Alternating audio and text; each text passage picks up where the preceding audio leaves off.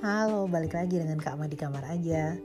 Hari ini uh, agak sedikit beda karena aku lagi nggak bareng iPad yang biasa dipakai. Artinya lagi nggak ada Netflix di tangan. Jadi akhirnya aku uh, ngelihat aplikasi lain terus aku ngecek film apa sih yang aku pernah nonton gitu kan. Yang bisa kira-kira buat dijadiin bahan cerita juga dan uh, mau ketemu salah satu film yang kayaknya tahun lalu menonton uh, drama Jepang judulnya uh, agak panjang. Hey Sensei Don't You Know gitu. Gitu judulnya. Kalau bahasa Jepangnya apa ya?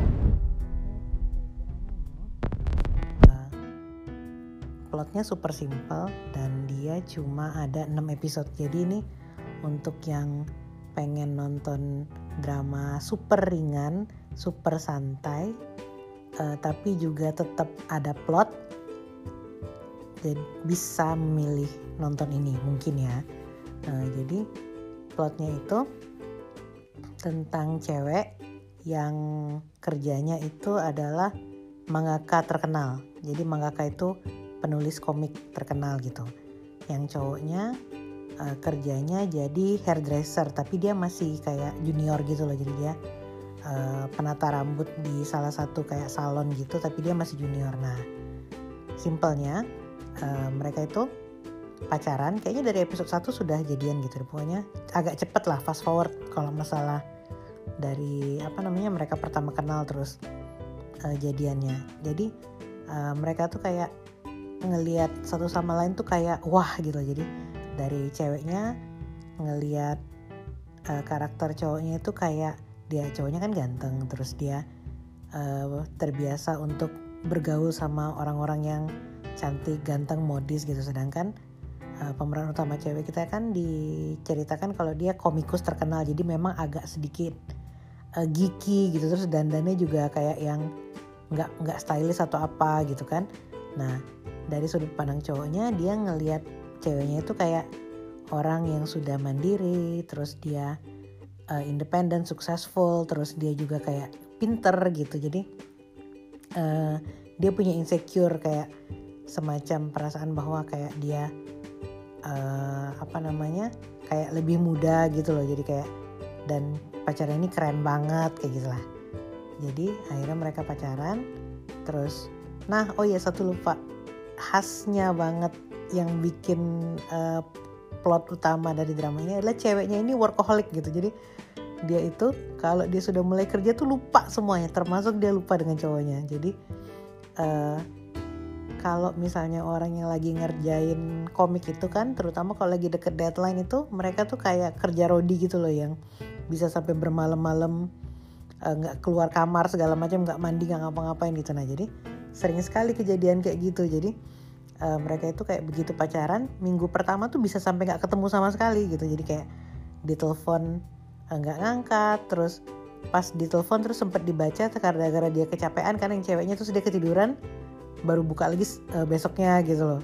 Dan ternyata pernah aja kejadian cowoknya tuh nunggu depan pintu dianya nggak bangun-bangun kayak gitu lah kira-kira. Jadi uh, di sana yang sebenarnya lumayan refreshing juga itu kelihatan bahwa uh, di sana itu mengesankan ya nggak apa-apa ada relationship di mana ceweknya lebih terlihat lebih mapan secara finansial atau kayak lebih successful gitu dibanding cowoknya. Dan sebenarnya di sini walaupun cowoknya uh, menges apa namanya bilang bahwa ceweknya itu lebih sukses segala macam dia itu sangat menghormati ceweknya gitu. Jadi dia nggak kayak maksa minta waktu gitu kayak kok kamu nggak ngasih waktu buat aku sih? Kok kamu nggak nganggap penting aku sih? Gitu. Itu nggak pernah muncul dari dia. Jadi dia tuh walaupun agak sedikit uh, frustasi gitu kan kayak frustasi karena nggak bisa ketemu dan sexually frustrated juga gitu kan. Tapi dia tuh kayak oh ya udah nggak apa-apa karena emang dia sifatnya kayak gitu. Jadi kadang-kadang uh, ceweknya itu kalau misalnya pas lagi uh, cowoknya kan akhirnya datang gitu. Misalnya sudah selesai deadline terus kayak mau ketemu janjian ketemu gitu. Baru aja kayak ngobrol sekitar setengah jam tiba-tiba dia misalnya dapat telepon offer job baru dia tuh langsung bilang oh ya oke oke oke. Padahal kan sebenarnya bisa dia tunda dulu gitu. Misalnya kayak tunda satu hari lah dua hari lah. Enggak aja dia sekalian istirahat. Tapi karena dia tipenya yang suka kerja gitu kan dan dia bener-bener passionate sama kerjaannya jadi kadang-kadang tuh suka lupa sama yang lainnya termasuk si cowoknya itu juga gitu kan. Jadi uh, apa namanya beberapa kali tuh kejadian yang paling sering adalah ya berakhir dengan cowoknya tuh dicuekin gitu.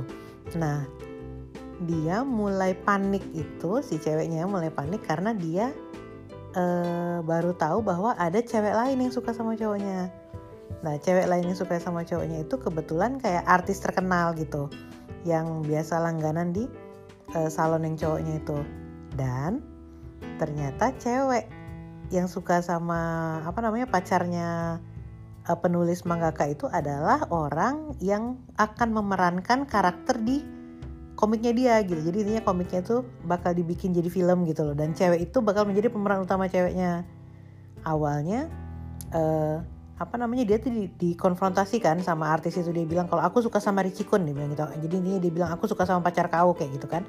Nah agak cemas lah sebenarnya ceweknya itu. Tapi pacarnya tuh kayak meyakinkan enggak kok gitu. Aku sukanya sama kamu kok gitu. Nah untungnya banget di ujung episode itu uh, mereka kayak semacam apa ya uh, kembali baikan lagi. Itu sebenarnya bukan baikan sih tapi kayak pemicu utamanya itu bahwa ternyata si artis itu juga sebenarnya ngefans sama dia gitu. Jadi begitu mereka lagi interview tentang komiknya yang dibikin sama pemeran utama cewek itu si si apa namanya si artis itu gatel pengen nimbrung gitu tapi dia menahan diri menahan diri. Akhirnya dia nggak tahan lagi gitu kan. Akhirnya dia nimbrung ngobrol terus jadi kayak mereka spazing bareng kayak gitu loh.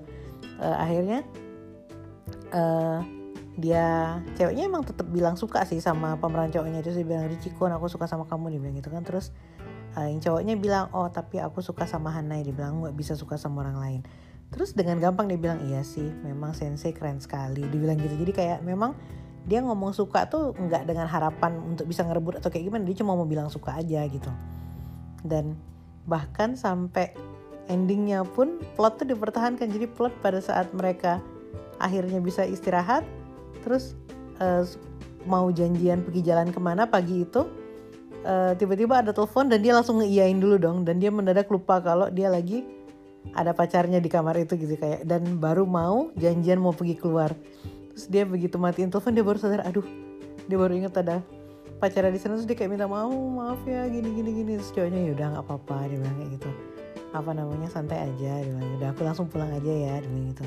Nah terus ceweknya ngomong abis itu kan sebelum sesaat sebelum pemeran utama cowoknya pulang dia bilang nanti aku ketemu kamu lagi kapan? Dia bilang gitu kan. Terus cowoknya bilang e, kapan pun Hanai pengen ketemu sama aku aku bakal dateng kok dia ngomong kayak gitu.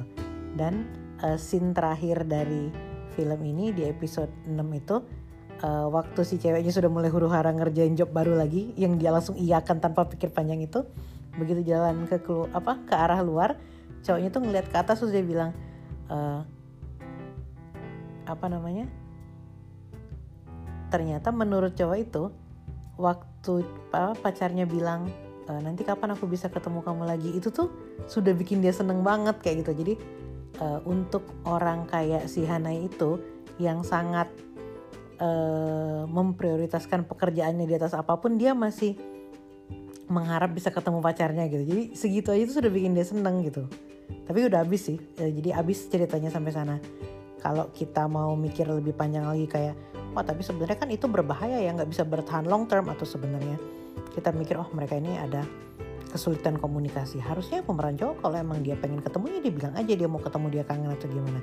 Tapi karena ini memang dramanya dibikin pendek dan dibikin ceritanya bahwa cowoknya itu menerima kondisi ceweknya jadi memang dibikin endingnya kayak gitu gitu jadi kayak endingnya terakhir ya bahwa ceweknya tetap seperti itu dan cowoknya juga memutuskan kalau dia bakal mengikuti gaya ceweknya gitu.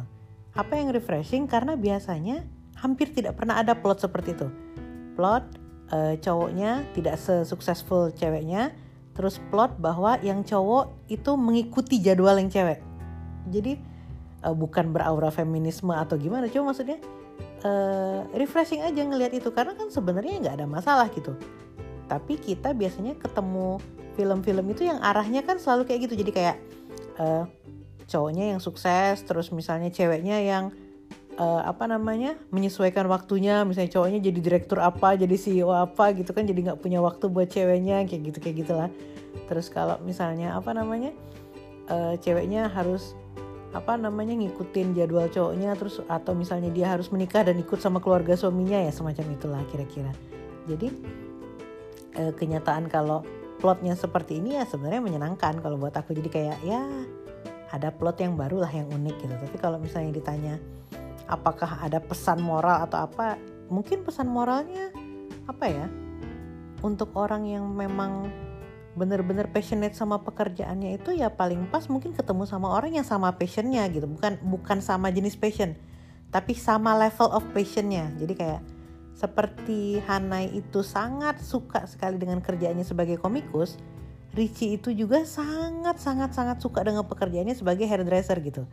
Jadi itu salah satu sebabnya kenapa dia ikhlas kalau pacarnya itu suka terlalu uh, semangat kerja gitu. Karena dia ngerti kesukaan untuk bekerja pada saat dia bekerja tuh kayak gimana gitu. Jadi uh, apa namanya kebahagiaan pada saat uh, apa namanya hasil karyanya dihargai orang lain terus pada saat dia apa menyelesaikan deadline itu. Jadi apa namanya ya namanya kita suka sama orang ya. Jadi kalau orang yang kita suka bahagia kan kita ikut bahagia gitu. Nah itu yang dirasakan oleh Ricky. Jadi kalau setiap kali dia mikir bahwa dia kangen sama pacarnya pada saat pacarnya sibuk kata-kata dia bilang oh iya dia kan passionate sama kerjaannya. Dan Hana juga berpikir kayak gitu pemeran cewek juga mikir gitu. Jadi waktu sebenarnya kan ada periode uh, beberapa lah beberapa kali muncul yang waktu Hana datang ke salon cowoknya terus dia lagi kayak dirapiin rambutnya dia suka ngeliat kiri kanan kan.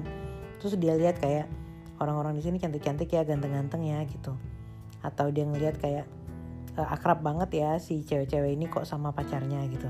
Tapi begitu dia merhatiin lebih jelas lagi, dia sadar bahwa yang mereka omongin itu tentang kerjaan gitu. Terus ceweknya jadi inget, ah iya, sama seperti aku yang bener-bener fokus dengan kerjaan aku pada saat aku bener-bener lagi in the zone.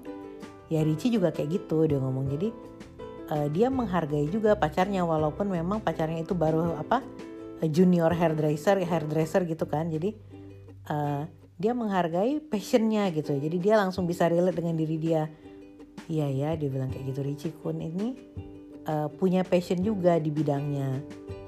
Dan pada saat dia bekerja itu adalah pada saat dia terlihat paling keren. Kalau menurut ceweknya kayak gitu. Menyenangkan sih ngelihat orang uh, untuk komit dengan sesuatu yang dia bener-bener suka gitu mungkin itu kalaupun mau dibilang apa pesan positifnya dari drama ini. Ya tapi sebenarnya kalaupun memang sibuk juga ya bukan artinya nggak bisa ngabarin sama sekali juga kan. Kasihan juga pasangannya atau keluarganya gitu. Dan untuk kesehatannya pemeran ceweknya juga nanti kalau sampai ngerjain deadline terus-terusan nggak tidur berhari-hari ya bahaya kan. Kurang lebih gitu. Terus sudah selesai plot dan ceritanya kalau masalah pasangan ya pasti pasangan mereka berdua ya oh iya ada satu lagi karakter namanya Kiritani Kun Kiritani itu editornya pemeran cewek, editornya Hane. Dan sebenarnya kayaknya Kiritan itu suka sama Hane, tapi dia uh, respectful gitu loh, terutama kenyataan bahwa dia sudah tahu kalau Hane punya pacar. Dia malah muji pacarnya. Dia bilang, ah cowok kamu ganteng ya dia bilang terus dia bilang lo kok tahu? Iyalah kelihatan jelas dia bilang. Terus dia bilang lagi kamu udah berapa lama pacaran sama dia? Dia bilang itu kan sudah tiga bulan. Oh pantas terus uh, nanya pantas kenapa? Iya soalnya uh, gaya komik kamu berubah dibilang gitu. Panik lah kan awalnya dikira Hane kenapa terus dia jawabnya langsung lagi enggak kok in the good way dibilang kayak gitu. Artinya uh, bagus ya pengaruh pacar kamu apa namanya buat uh, karir kamu dibilang itu terus abis itu si Hane uh, turun uh, mereka lagi turun tangga ceritanya turun sampai sejajar dengan si Kiri Tanikun terus dia bilang iya memang apa namanya uh, Richie berperan besar dalam apa namanya kesuksesan pembuatan manga ini. Tapi aku juga berterima kasih banyak dengan Kiritani. Jadi dia tetap nggak lupa untuk mengucapkan terima kasih dan memuji editornya itu loh. Menurut aku sih itu bagus. Jadi kayak mereka kayak punya mutual respect gitu loh satu sama lain. Jadi kayak saling percaya dan saling kompak dan yang cowoknya juga tidak punya niatan-niatan jelek kayak mau mepet atau mau ngerebut ceweknya gitu. Jadi ya menyenangkan lah. Oke, kalau dari nilainya, hmm, malah lumayan suka sih. Tujuh setengah mungkin. Dan untuk rekomendasi untuk merekomendasi orang yang uh, pengen nonton sesuatu yang ringan kali ya 8 aku suka. Oh ya yang ini salah satu drama yang adanya di Viki ya. Kalau aku di uh, Netflix ingat aku sih nggak ada. Tapi kalau di aplikasi lain ada ya aku nggak tahu soalnya aku kan cuma nontonnya di Viki doang gitu uh, oke okay, jadi ini adalah review drama pertama aku yang non Netflix related uh, mungkin sementara sampai akhirnya aku kembali ke Netflix lagi uh, aku bakal make uh, list drama-drama lama yang pernah aku tonton atau aku lihat uh, list drama yang udah pernah aku nonton di uh, Viki. Jadi paling antara itu sih. Jadi ya nggak apa-apa lah sementara kita menjauhkan diri dari Netflix dulu sampai waktu yang belum ditentukan. Habis ini mungkin bakal balik drama Korea lagi karena kayaknya setelah aku lihat-lihat listnya emang paling banyak ya list drama Korea gitu. Oke, sampai jumpa. Terima kasih banyak sudah mendengarkan. Uh, nanti aku akan balik lagi secepatnya dengan Kak Ma di kamar aja. Bye bye.